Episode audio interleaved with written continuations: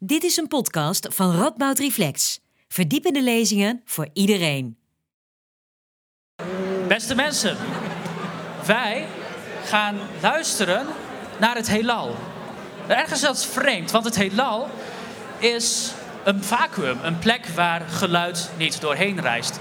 Maar wat nou als we het heelal wel zouden kunnen horen? Daarover gaat uh, Marijke Havendoor, uh, Havenkorn ons vertellen. Zij is sterrenkundige en zij, geeft, zij leidt ons in op geluiden uit het heelal. Een hartelijk applaus graag voor Marijke.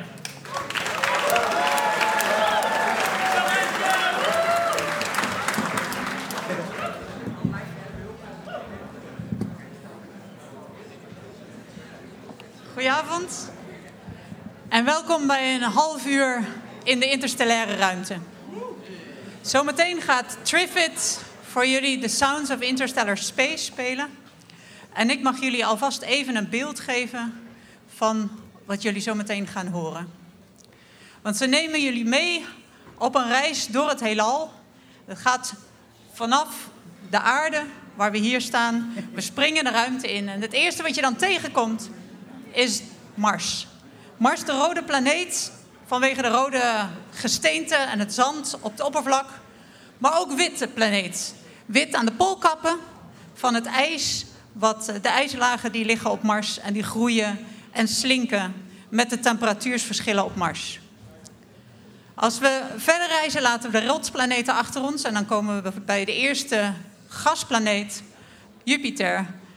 Um, met bekende gekleurde banden, dat zijn wolkenpatronen, die globaal over de hele planeet um, uh, turbulente bewegingen maken.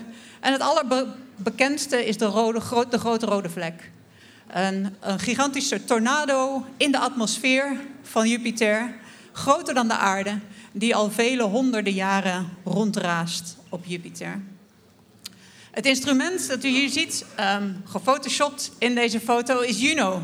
Is de laatste missie die um, um, op dit moment rondom Jupiter cirkelt. En een hele elliptische banen rond Jupiter die langzamerhand veranderen. En telkens als dit instrument langs Jupiter schiert, maakt ze dus ongelooflijk gedetailleerde foto's van het oppervlak van Jupiter. Precies. Dit is toch schitterend? De kleuren zijn versterkt, maar de kleuren zijn echt. En uh, dus dus de, de kleurverschillen en al deze structuren zijn echt. En die leren planeetonderzoekers zoveel meer over die samenstelling van die atmosfeer in Jupiter. Wat de condities zijn, hoe deze, uh, deze wolkenpartijen bewegen. Maar we gaan door, we gaan naar de volgende planeet, want daar is de eerste stop van onze interstellaire uh, reis. Bij de planeet Saturnus staat deze maan Enceladus. En dit is een artist impression van deze maan, waarin duidelijk wordt dat die maan bedekt is met een grote laag ijs. Een kilometers dikke ijslaag is de buitenlaag van deze maan. De missie die op dit moment um, bij Saturnus en Enceladus onderzoek doet, is Cassini. En Enceladus is ook de naam van het eerste deel van het muziekstuk wat Triffitt voor jullie gaat spelen. En in dit stuk zit een sonificatie van geluiden van deze Cassini-satelliet verwerkt. En deze maan is een hele intrigerende maan. Want wat Cassini zag toen Cassini langsvloog is dit. Dit is een, dit is een echte foto van Cassini. Aan de onderrand van deze maan en dus komen van die grote gasfonteinen, grote pluimen uit dat oppervlak zetten. En Cassini is hergeprogrammeerd om daar een, een flyby van te maken, om door die gaspluimen heen te vliegen en te zien dat dat moleculair waterstofgas is. En waar die gaspluimen vandaan komen is waarschijnlijk onder het ijsoppervlak. En daar zit een, een vloeibare oceaan. Deze tekening geeft dat weer. Waar dus de kern van deze maan is een rots.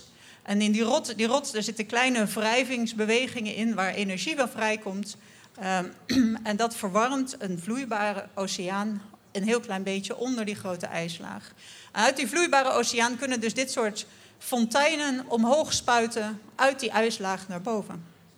En die inzet in het hoekje is een video van een hele een, een, um, een vergelijkbare situatie, misschien vergelijkbare situatie, maar dan hier op aarde. Dit is op een oceaanbodem waar hydrothermale bronnen gassen uit de oceaanbodem omhoog spuiten in de, de oceaan in.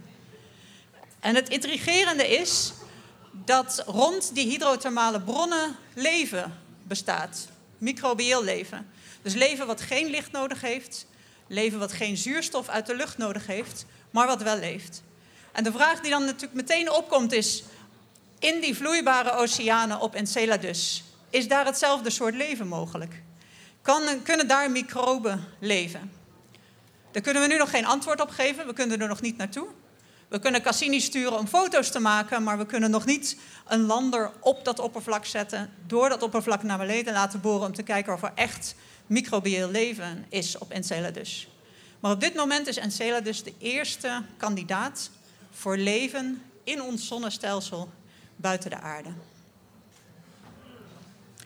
Als we verder reizen de interstellaire ruimte in, dan vliegen we langs Uranus, langs Neptunus, langs Pluto en op een gegeven moment uit ons zonnestelsel verder het heelal in.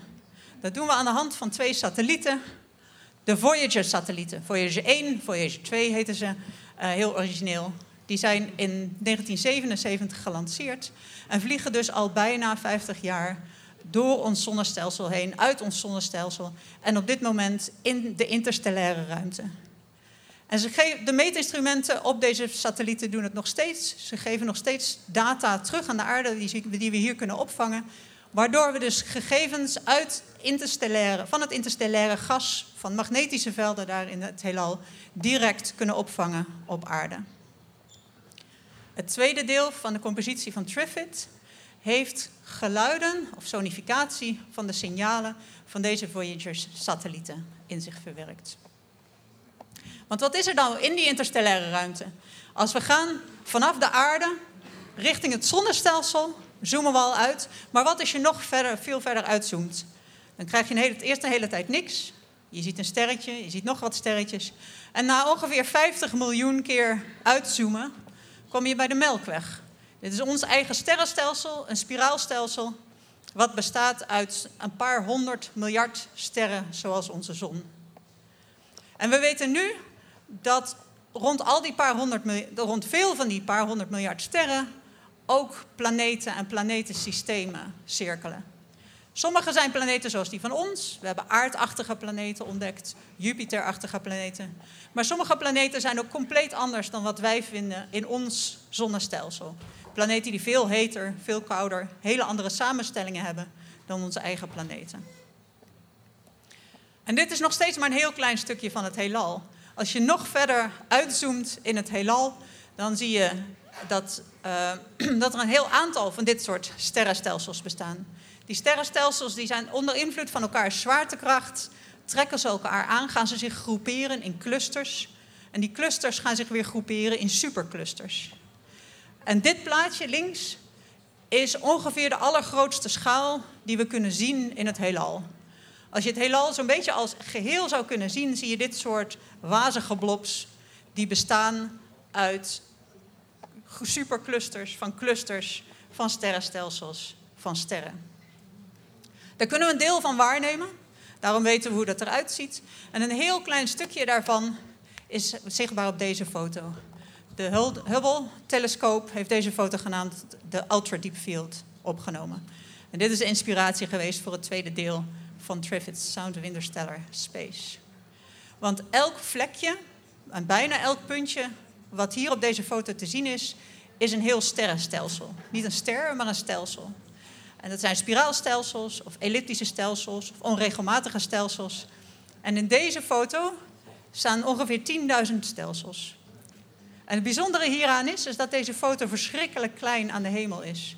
Dus als je een euro pakt en je houdt die op armslengte afstand en je kijkt door het oog van Willem-Alexander, dan zie je deze foto. Dan zie je de 10.000 stelsels. En dus in het hele heelal, de miljarden sterrenstelsels met miljarden um, sterren, met miljarden planeten. Dan zou het toch gek zijn dat op al die planeten, van al die planeten er maar eentje is waar leven is, op is.